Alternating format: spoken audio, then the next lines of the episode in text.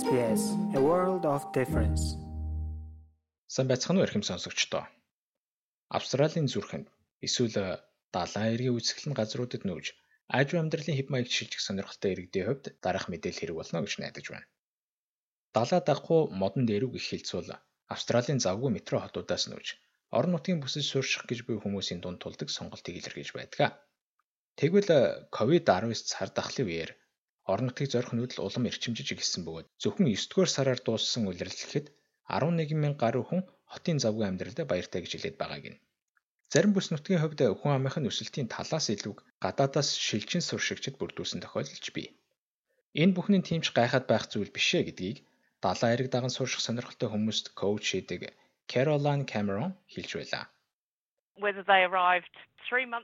Амьдралын хэв маяг, ажлын боломж бололцоо. Хэмд орон сууц зэргээс шалтгаалж хүмүүс нүүж ирсээр байгаа. 3 сарч бай 10 жилийн өмнө ч ийм л байсан. Ингэснээр орон нутгийн жижиг community-д англиас өөр хэлтэй хүмүүсийн эзлэх хувь нэмэгцээр байгааг харж болно. Австралийн статистикийн хорооны мэдээллээс харвал өнгөрсөн 9 дугаар сарын байдлаар томоохон хотууд хамгийн олон хүмүүсээ орон нутагт алдсан байна. Харин бусад муж нутаг дэвсгэрүүтэй харьцуулахад дотоод шилжилтийн үеэр Квинсленд муж 7200 гаруй хүн шинээр бүртгэжээ.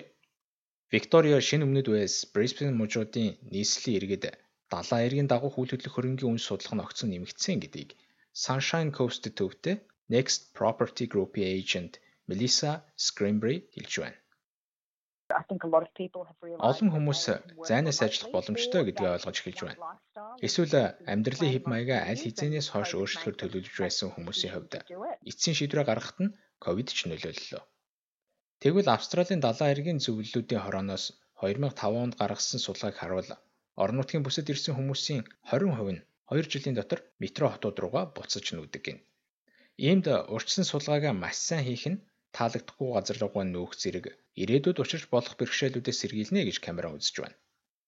Нэн ялангуяа англи хэлний мэдлэг тааруу хүмүүсийн хувьд адил хэл соёлтой хүмүүс түлхүүс суурьсан газруудыг хайх хэрэгтэй гэдгийг тэрээр зөвлөсөн юм.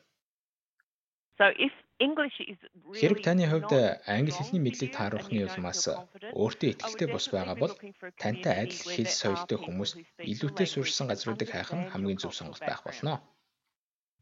Уран баримлч доктор Фарвардын Далеригийн хувьд Иранаас Австралид өргөн ирсэн баха үзэлтнүүдийн нэг юм. Энэ этхийг Мельбурн, Тасман гээд удаа хугацаанд шилжин суршиж явсны эцэст Таунсвилд ирсэндээ тэрээр маш их баяртай байгааг нь. Түүний хувьд хотод нь шинээр ирж буй хүмүүсийг сууршихад туслах үүднээс Таунсвиллийн соёлын олон тал төвийг ажилуулдаг юм. Австралид амьдралынхаа эхний үед Мельбурнд 2 жил амьдарч байсан тэрээр орон нутгийн жижиг хотуудад бусдтай холбоо тогтоох нь хамаагүй амархан байдгаа гэдгийг хэлж байна. Викториа эсвэл шинэ өмнөд Вест амьдарч байсан хүмүүсийн хувьд орон нутагт сууршихад асуудал үүсэхгүй. Учир нь тэнд байгаа хүмүүс таныг хурдан таньдаг болно. Таач тэднийг таньдаг болох нь хурдан байх болно. Сайн уу гэж мэдлэх хүмүүстэй их олон таарна. Учир нь та энд бусад том хотууд шиг алслагдсан мэдрэмж авахгүй. Би өөрөө 2 жил Мельбурнд амьдрахтаа хөштэйгөж танилцаж чадаагүй. Түүнчлэн шинээр сүрсэж буй газрынхаа хүмүүстэй холбоо тогтоохоос бүх юм эхэлдэг гэдгийг Caroline Cameron хэлж байлаа. Англи хэлний тодорхой хэмжээний мэдлэгтэй ч өөртөө ихтгэл муутай байгаа үед шинэ хүмүүстэй харилцаа тогтоох хамгийн шилдэг аргуудын нэг бол өөрийнхөө сонирхол дээр үндэслэн сайн дурын ажилд орчих явдал юм. Ер нь гэрээсээ гарч байхгүй бол аслагдмал байдалд орох нь энэ үхэн ч үү дээ. Эцэст нь тэрээр адилхан хэл соёлтой хүмүүс олдохгүй бол ижил сонирхол, хоббитой хүмүүстэй танилцах нь тухайн газраа төхнөхөд илүү амар байх болно гэдгийг хэлсэн билээ.